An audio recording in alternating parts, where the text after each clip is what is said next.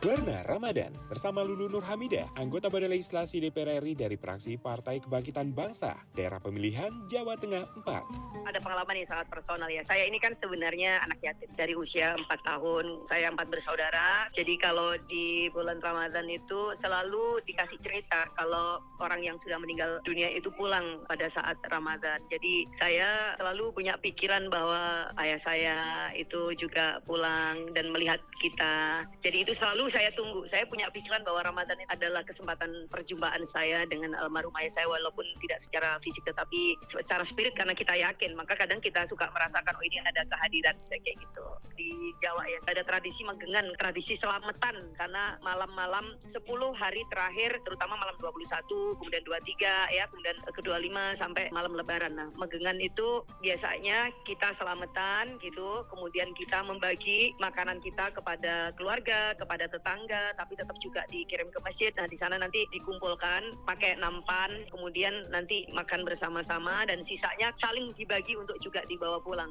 Kalau saya sendiri sih menikmati juga jajanan jajanan kampung ya. Kalau misalkan ada kayak cenil gitu, cenil itu apa ya? Yang dikasih kayak gula merah gitu, terus yang warna-warni itu, tapi pakai warna-warni yang aman lah. Terus atau kayak yang dari bahan ketan itu, tapi terus dikasih kelapa, terus dikasih gula merah yang udah dicairkan Nah itu itu juga uh, juga suka. Bahkan saya juga suka tiwul. Nah itu tiwul. Karena di Jakarta susah, tapi kalau di sini tiwul itu gampang.